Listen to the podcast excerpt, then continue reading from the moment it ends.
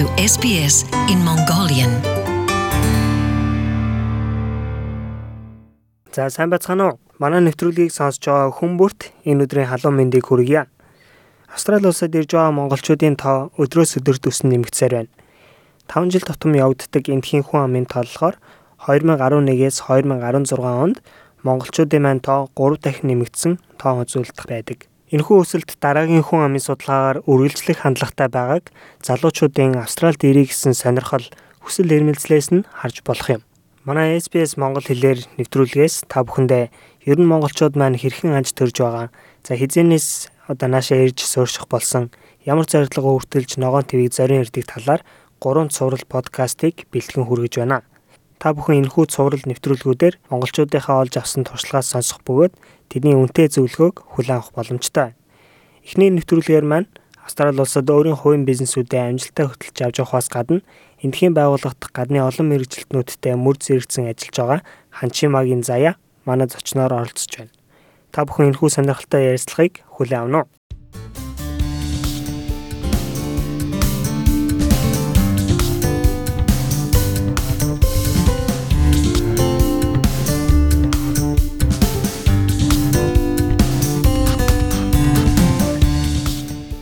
Сайн байна уу заягч. За сайн байна уу. За сайхан хаварж иж байна уу? За сайхан хаварж иж байна да. Одоо хавар эхэлж байх шиг байна. Австралид одоо ирээд хэдэн жил болж байна? Хэдэн онд анх ирж исэн бэ? За би энэ данх Австралийн Мельбурн хотод 2000 онд ирж илаа. Сурах гээд. 2000 онд одоо 18 жил болсон байна тий. Одоо 18 жил болчихсон байна шүү дээ. Тийм байна. Мельбурн хотод анх сургуулаа төгсөөд тэгээ Сидней рүү тэгсэн би Мельбурнд мастерын зэрэг хамгаалчаа дараа нь ажил хийгээд тэгээд ажлынхаа шугамар Сиднейд шилжиж ирээд тэгээд тэрнээс хойш Сиднейд байна да. 2004 он хүртэл Мельбурнд амьдарсан юм байна. Тийм байна. 4 жил 4 жил амьдарсан. 4 жил амьдарсан. Тухайн үед монголчууд хэр олон байсан бэ? Таныг ер нь анх ирэхэд намайг Мельбурнд хад натаа нилээ 9 монгол болж исэн санд штэ. 9 монгол. Тий, надад тэгж хэлжсэн. Гэхдээ би яг 9-нд 8 уулантай ч уулзааг бол ах ер нь бол нэг 5 6 хүнтэй холбоотой байсан тэр үедээ тий. Тийм нэлийн хоол байдаг ч гэсэн одоо дөнгөж ирээд хэлж сайн мэдэхгүй ямар найз нөхөд байх юм биш тийм. Ерөөсөө л одоо хань болж исэн хүмүүс гэх юм бол тийм монголчууд л байсан дөө би үүнтэйгээ ойрхон байдаг гэсэн уулзалтай. 2000 онд 10 хүрэхгүй монголчууд амьдардаг байсан бол одоо 2016 оны сенсус датагаар 2144 хүн амьдарч байгаа гэсэн судалгаа гарсан байна. Яг монголчууд хэдийнээс эхэлж Австралид аюу олноор ирэх болсон болоо. За ерөнхийдөө 2006 2007 8 онд нэлийн анхны одоо хэсэг томоох нүүдэл уу ер нэлээ монголчууд ирж ирсэн. Аа тэгээд тэрний дараа бол ааж мажмаар нэмэгсэд 2012 13 оноос маш их хэмжээгээр ирэх болсон монголчууд. За энд ирж байгаа хүмүүсийн бол бараг л ер нь арайч 100 гэж хэлэх юм бэ? Ер нь бол нэг 80 90% нь бол энэ сурах зорилгоор ирж байгаа оюутны эцэд ирж байгаа залуу хүмүүс байгаа. Эдгэр хүмүүсийн ихэнх зорилго нь болохоор Австралид сурж боловсронгоно. Тий ажил төрөл хийгээд амьдралаа дэвшлүүлээд тэгээд хажуугаар нь сурангаана Австралийн ихтэй сургууль ч юм уу тийм үү техникум коллежид тодорхой нэгэн зэрэг тийм ээ мэрэгжил олж аваад буцна гэсэн ийм л одоо гол зорилготой ирж байгаа шиг байна.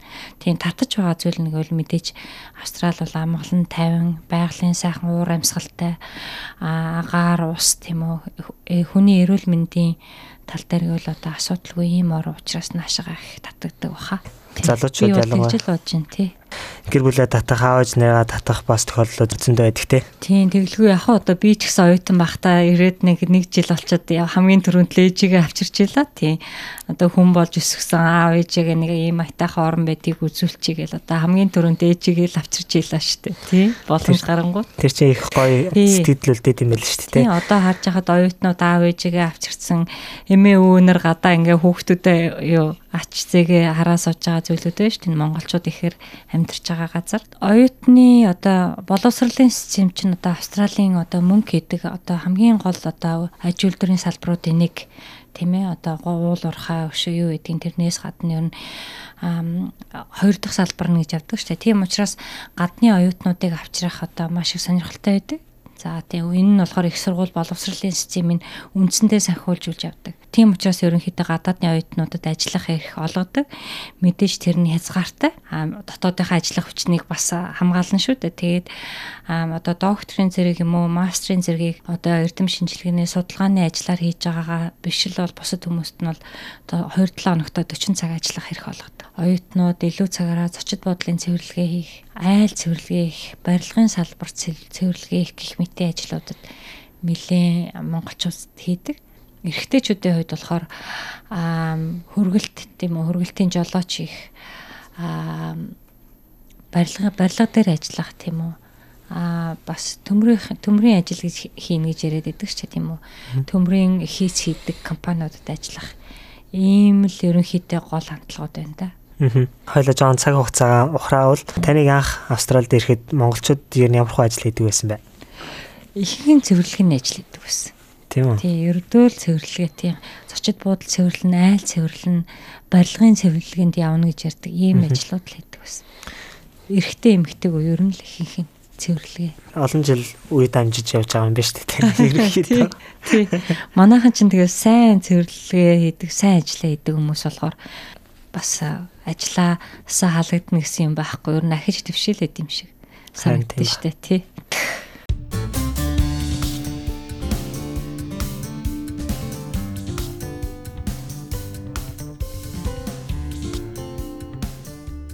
Сүүлд за 2016 онд гарсан Census тэр судалгаагаар ер нь монголчуудын боловсролынх нь төвшинг аваад үтсэн байна л да.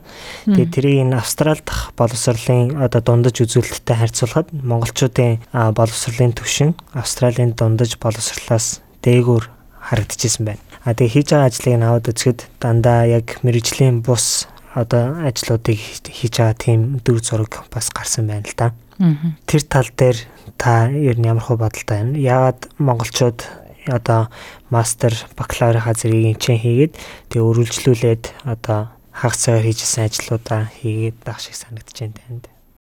Хамгийн гол шалтгаан бол мэдээж хэл үүдэг. Тийм. Ялангуяа ирээд хэлний төвшин сайн биш байгаа хүмүүс бол хичнээн одоо сайн мэрэгсэн боловсон хүчин тухайн салбартай байсан ч гэсэн энэ дээрээ тэр одоо өөртөө таарсан тийм ажил олж хийж чадахгүй байх нь элбэг байдаг. За энэ дээрээ одоо нэлээ хэдэн жил сураад бакалавр юм уу мастраар төгссөн хүмүүс ч гэсэн бас ажил олоход хэцүү байдаг. Австралийн одоо хөдөлмөрийн зах зээл бол бас өрсөлдөө ихтэй.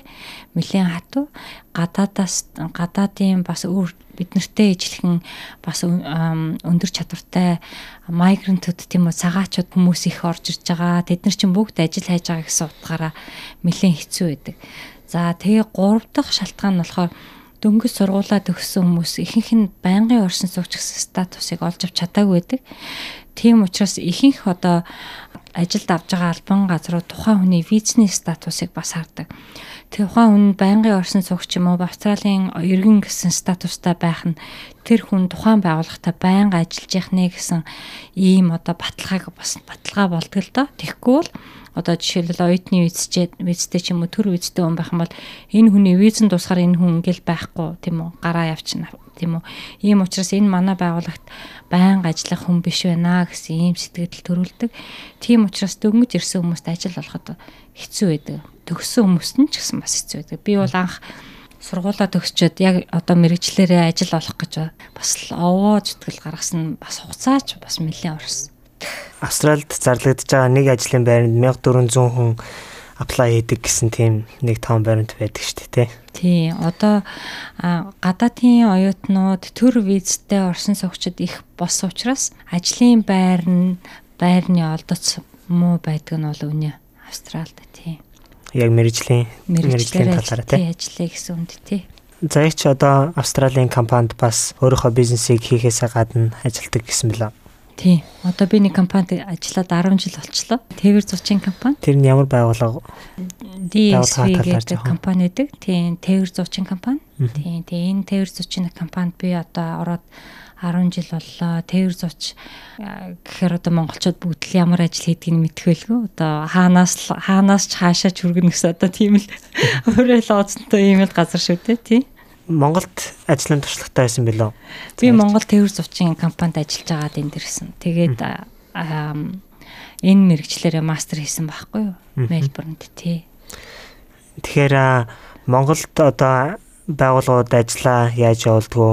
Байгууллага доторх одоо харилцаа ямар байдгүү? За харин Австральд байгууллага доторх харилцаа нь ч гэдэм юм уу? Яг тэр соёлын ялгаатай тал нь юун дээр байд юм болоо? Асар их ялгаатай. Би бол тэгжил хэлмээр байна. Одоо яг мэдээж олон улсын стандартаар ажилладаг байгууллагууд Монголд байдаг л ахал та. Гэхдээ ер нь хамгийн түрүүнд ажиглагддаг юм болохоор бол Австралийн компаниуд болохоор энэ манай байгууллагууд хэн удаан жил ажиллаж ин хэн их тийм үү хүч хөдөлмөрөө гаргаж ийн гэдгийг маш сайн олж харж идэг. Одоо жишээл тэр байгууллагад нэг менежерийн албан тушааллын одоо хоосон боллоо тийм үү хүн авъя гэхэд тэр байгууллага бол гаднаас хүн авахын оронд тийм үү дотроосоо дотроо байгаа хүмүүсээсээ дэвшүүлээд тийм үү тэр орн одоо vacancy гэж ярьдаг штэ хоосон албан тушаалтаа авч явах юм сонирхолтой байдаг. Тэгээ тэр нь ч тэр компанийх нь одоо зорилго тийм ээ үйл ажиллагаанд нь бүрэн нийцсэн байдаг. А миний Монголын компаниудыг харж байхад бол гаднаас хүн маш амархан авчдаг. Би Австралийн компаниудыг бол ерөнхийдөө бол хэлэхэд бол бүгд дотроосоо хүнийг дэвшүүлж ажиллах сонирхолтой Тийм тийм болохоор компанида шууд ингээд хичнээн мастер бакалаврын зэрэгтэй ч гэсэн нэг компанид одоо шууд менежерээр орно гэж ингэж бодох юм бол бас л ер нь хэцүү. Тий. Одоо хар үгээр хэлэх юм бол нөгөө хаалгачаас нь эхэлж ороод тэгээд дэвшээ дэвшээд явдаг. Тийм үзэгдэл бол маш юу нэлээд тарцсан байдаг. Тийм. Австралийн компаниуд маш олон байдаг бах тий.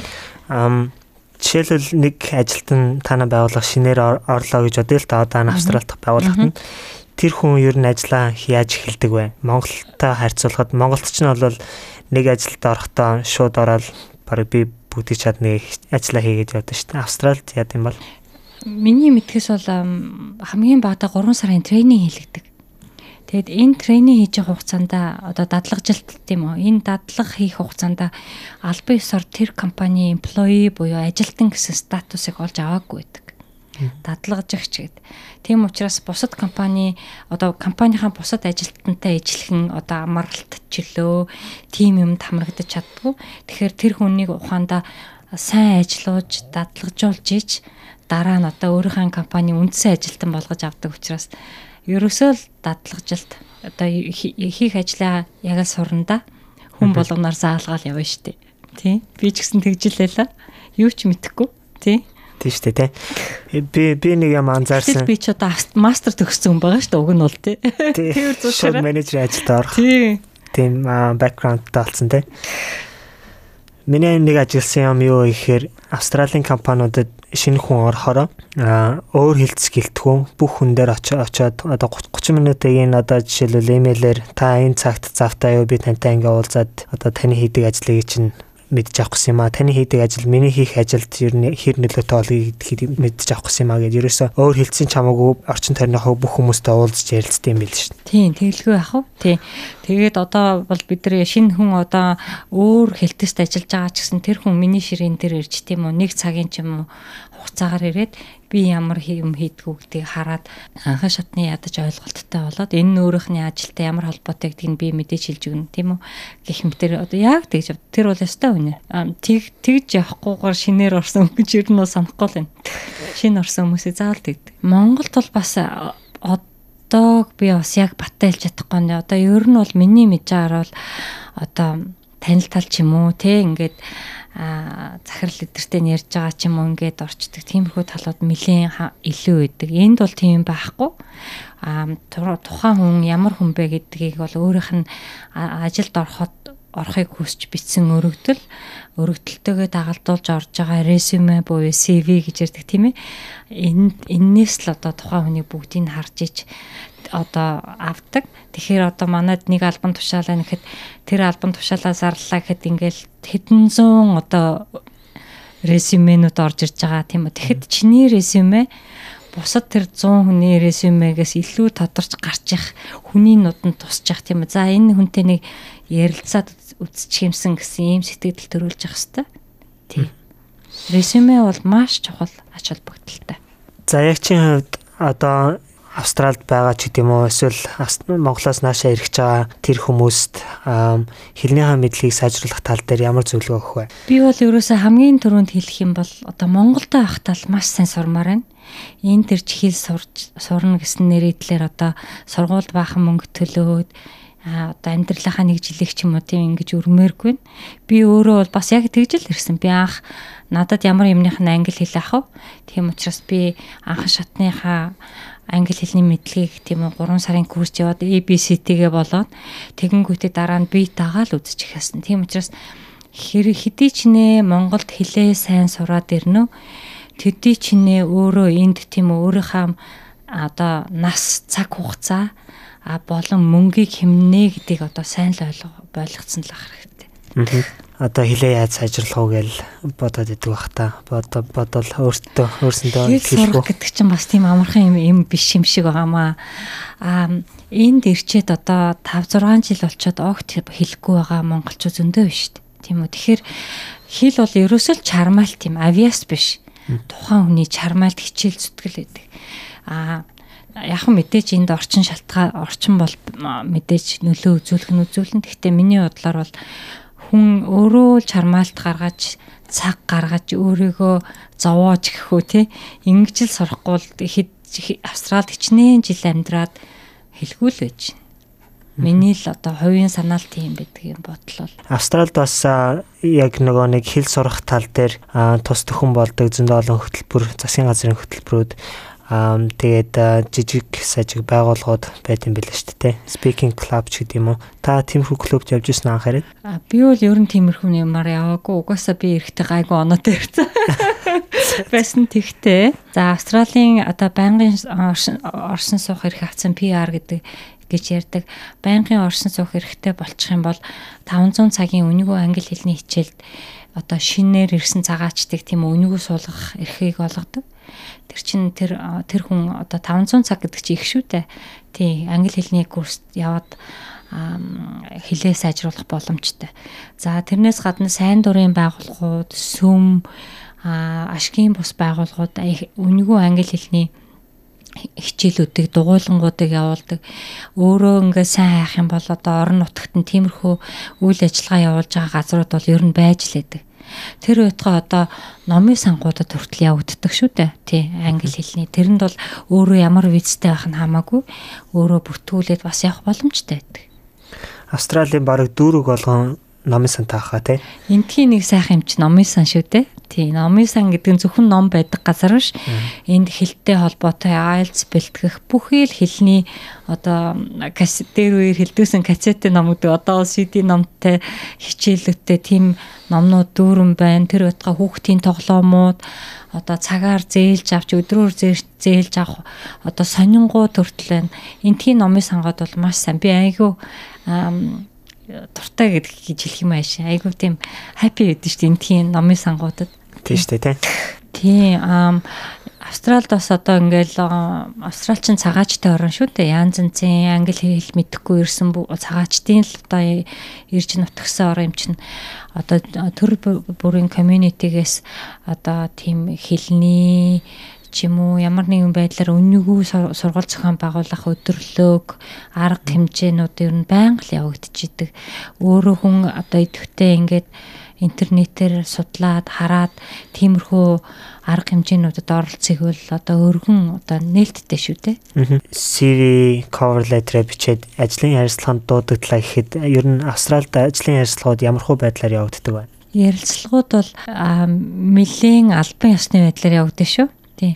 Аа өөрийн чинь шууд одоо удирдах хүн тийм өөрийн чи яг дээдлээ дээдлэлд ажиллах одоо дарагч нь менежер чинь аа тэгээд мөн тэр компани яг одоо менежер буюу дарга нь ихвчлэн хоёр хүн хамгийн багадаа л ер нь хоёр хүн байж идэг. Аа тэгээд тэдгээр хүмүүсээс хүмүүсийн аа хувьд болохоор ихвчлэн өөрийн чинь мэрэгжил манай энэ одоо сул орон тоог тоонд ороод өөрөө ажиллаж чадах нь гэдгийг одоо олж мэдхийн тулд ер нь асуултуудаа асууна. Асуултуудаа ер нь бэлтгэсэн байдаг гэж би бодож байна. Аа зөвлөгөө өгөхийн өгөхийн өгөхийн хувьд тухайн би нэлээд л одоо ярилцлаганд орж үдчихсэн хамгийн түрүүнд цагтаа ирэх хэрэгтэй. За мэдээж хувцастай хувьд бол ойлгомжтой. А албан ёсны хувцастай байх хэрэгтэй.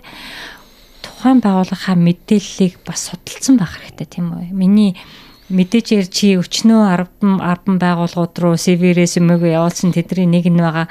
А гэхдээ чи очихдоо цаг гаргаад Google дээр тэр компанийн талаар мэдээлэл заавал авсан байхыг зөвлөж байна. За тэгээд мэдээж мэрэгжлийн чанартай асуултанд одоо хариулж чадах чинь өөрөө чи өөрөөс чинь шалтгаална. Тэгвэл одоо бас нэг харуулахыг одоо зорих зүйл болохоор өөрийгөө team worker гэж ярьдаг тийм үү? Одоо хамтаж олон нийтэж группээр багаар ажиллах чадвартай гэдгийг харуулах нь бас чухал гэдэг юм шиг надад санагдав.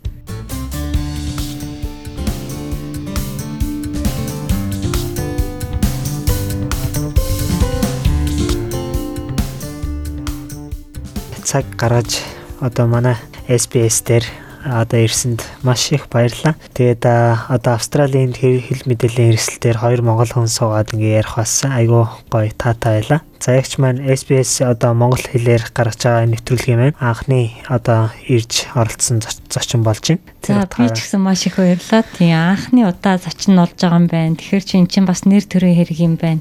Өөр чинь маш их баярлалаа. А ярилцлага өгөх туршлага байхгүй ч гэсэн тэгээд яг оролдлоо тийм ээ. Харин тийм би би би бас ярилцлага авах туршлага гоё нэмж авлаа. Тэгэхээр зөндөл ярих юм байна. Тийм учраас дараагийн удаа бас SBS дээр ирээд ч юм уу бүр завгүй ахын бол уцаар ч юм уу бас бид нартай тэгж холбогдож өөр туршлагаас хуваалцарай гэж гуя. За баярлалаа тэгнэ. За баяртай. SBS Mongolian Welcome home.